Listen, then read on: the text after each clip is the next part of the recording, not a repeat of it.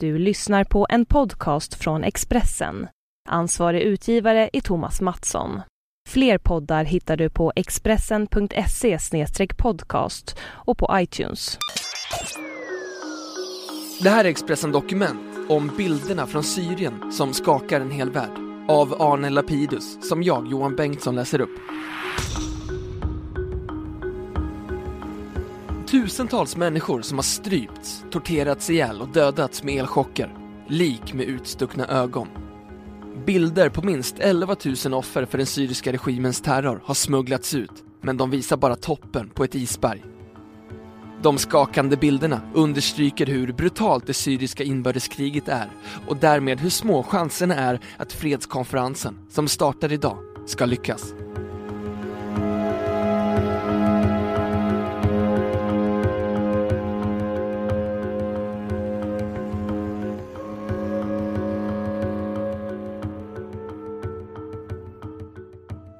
Att överdriva fiendens mordlust och brutala övergrepp är sedan första världskriget en grundpelare vid all psykologisk krigsföring. Och skräckbilder från krig bör därför ofta betraktas med skepsis.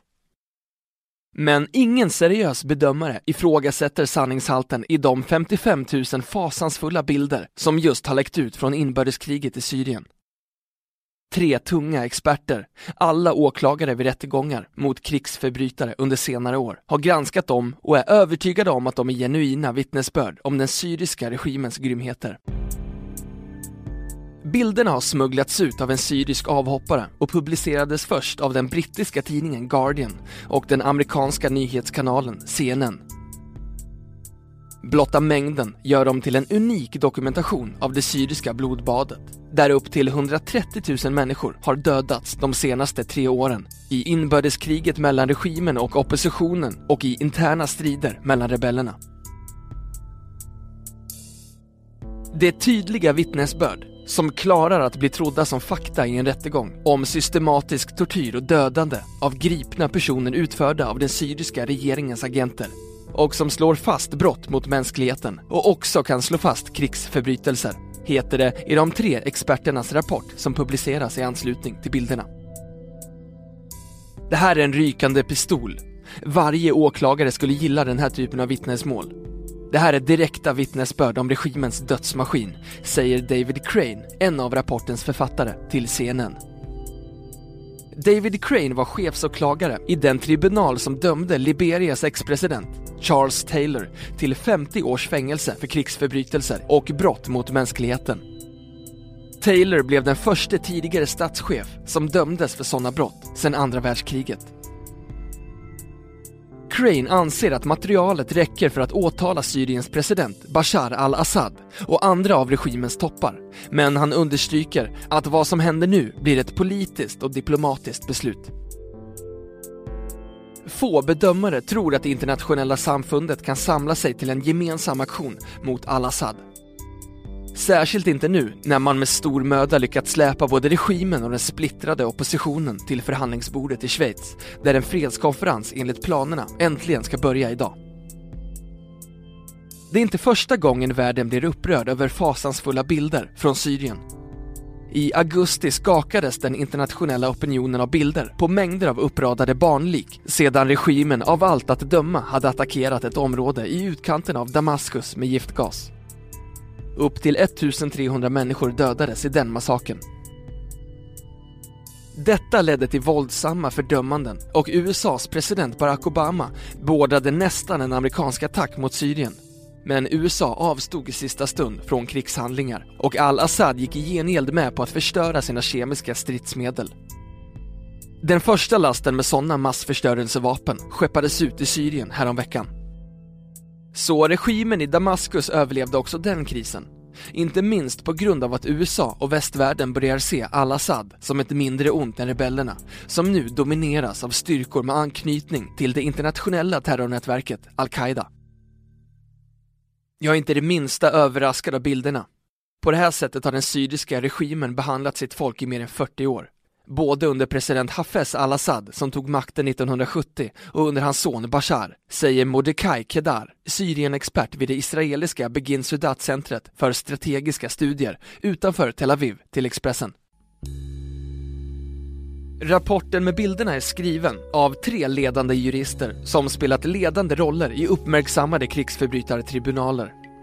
Desmond de Silva, chefsåklagare i den speciella domstolen för krigsbrotten i Sierra Leone.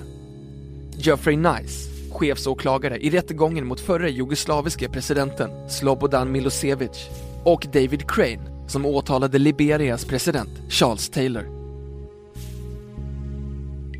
Deras källa är en syrisk militärpolis som i rapporten kallas Caesar. Innan han hoppade av var hans arbetsuppgift att ta bilder av döda fångar. Regimen lät fotografera liken för att vara säker på att orden att döda fångar hade verkställts och för att ha uppsikt över vilken säkerhetstjänst som dödat den respektive fånge. De anhöriga fick beskedet att dödsorsaken var hjärtattack eller andningsproblem. Det kunde vara så många som 50 kroppar om dagen att fotografera, vilket det tog 15 till 30 minuters arbete per lik, heter det i rapporten. Caesar ska själv ha tagit 27 000 bilder, alltså hälften av de utsmugglade bilderna. De juridiska experterna förhörde honom och fann att hans uppgifter var inte bara trovärdiga utan också synnerligen övertygande. Rapporten är beställd och finansierad av Qatar och det är kanske dess enda svaga punkt. Det oljerika emiratet är djupt involverat i konflikten i Syrien och finansierar rebellgrupper. Den syriska regimen tar tillfället i akt att ifrågasätta sanningshalten just på grund av Qatars inblandning. Om Qatar finansierade den här rapporten har den ingen trovärdighet eftersom Qatar är en av de stater som finansierade internationell terrorism och sände mördare till Syrien. Vi har yrkesmördare från hela världen i Syrien. Vi försvarar oss, säger den syriske regeringstalesmannen Bassam Abu Abdallah till brittiska BBC. Jag tvivlar på den här rapporten. Vi borde kontrollera de här fotona. Vilka är de här människorna? Vad heter de? Från vilka fängelser? säger han. Siffran 11 000 offer som dokumenterats i de 55 000 fotografierna är helt klart bara toppen av isberget.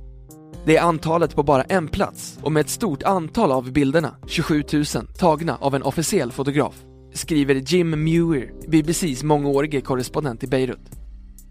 Frågor om politiska motiv, som att rapporten beställdes av Qatar och släpptes precis före Genèvesamtalen, får inte fördunkla verkligheten i de vittnesbörd som tagits fram, skriver han. Inbördeskriget i Syrien har sedan det bröt ut under den arabiska våren 2011 kännetecknats av en sällsynt brutalitet. Hänsynslösa bombardemang av civila från regimens sida och blodiga halshuggningar utförda av islamistiska extremister som spelar en allt mer ledande roll bland rebellerna. Människorättsorganisationen Human Rights Watch, HRV, anklagar i en ny rapport USA för att fokusera för mycket på att få de stridande parterna till förhandlingsbordet istället för att pressa al-Assad att stoppa slakten. HRV anklagar också Ryssland och Kina för att skydda den syriska regimen, som är deras allierade. Mer än 130 000 människor har dödats och mer än en fjärdedel av Syriens 23 miljoner invånare är på flykt. Många inom landet och runt 2 miljoner i läger i grannländer som Jordanien, Turkiet och Libanon. Läget har förvärrats av att det inte längre finns en klar skiljelinje mellan regimen och oppositionen. Det pågår också ett allas krig mot alla bland rebellerna, där olika islamistiska schatteringar slåss mot varandra och mot icke-islamistiska grupper. Dödssiffran närmar sig snabbt de 150 000 offer som krävdes under 15 år av uppslitande inbördeskrig i grannlandet Libanon. Där slöts fred 1990, men såren har långt ifrån läkts. Det accelererande massdödandet och hatet i Syrien gör att få ger dagens fredssamtal i Schweiz en chans. Ibrahim Kada är en tidigare rebellsoldat som har tvingats amputera en arm. Idag lever han som flykting i det stora lägret Satari i Jordanien. Vi har förlorat vår tro på det internationella samfundet. Vi bryr oss inte om ifall Genèvekonferensen äger rum eller inte.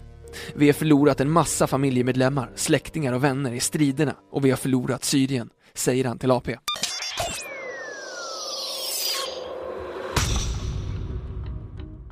Du har lyssnat på en podcast från Expressen. Ansvarig utgivare är Thomas Mattsson.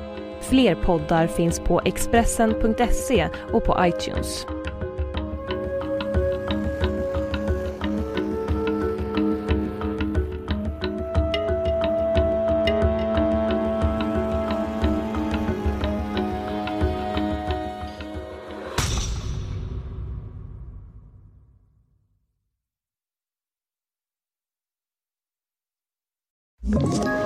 Ett poddtips från Podplay. I fallen jag aldrig glömmer djupdyker Hasse Aro i arbetet bakom några av Sveriges mest uppseendeväckande brottsutredningar. Går vi in med hemlig telefonavlyssning och, och då upplever vi att vi får en total förändring av hans beteende. Vad är det som händer nu? Vem är det som läcker? Och så säger han att jag är kriminell, jag har varit kriminell i hela mitt liv men att mörda ett barn, där går min gräns. Nya säsongen av Fallen jag aldrig glömmer på Podplay.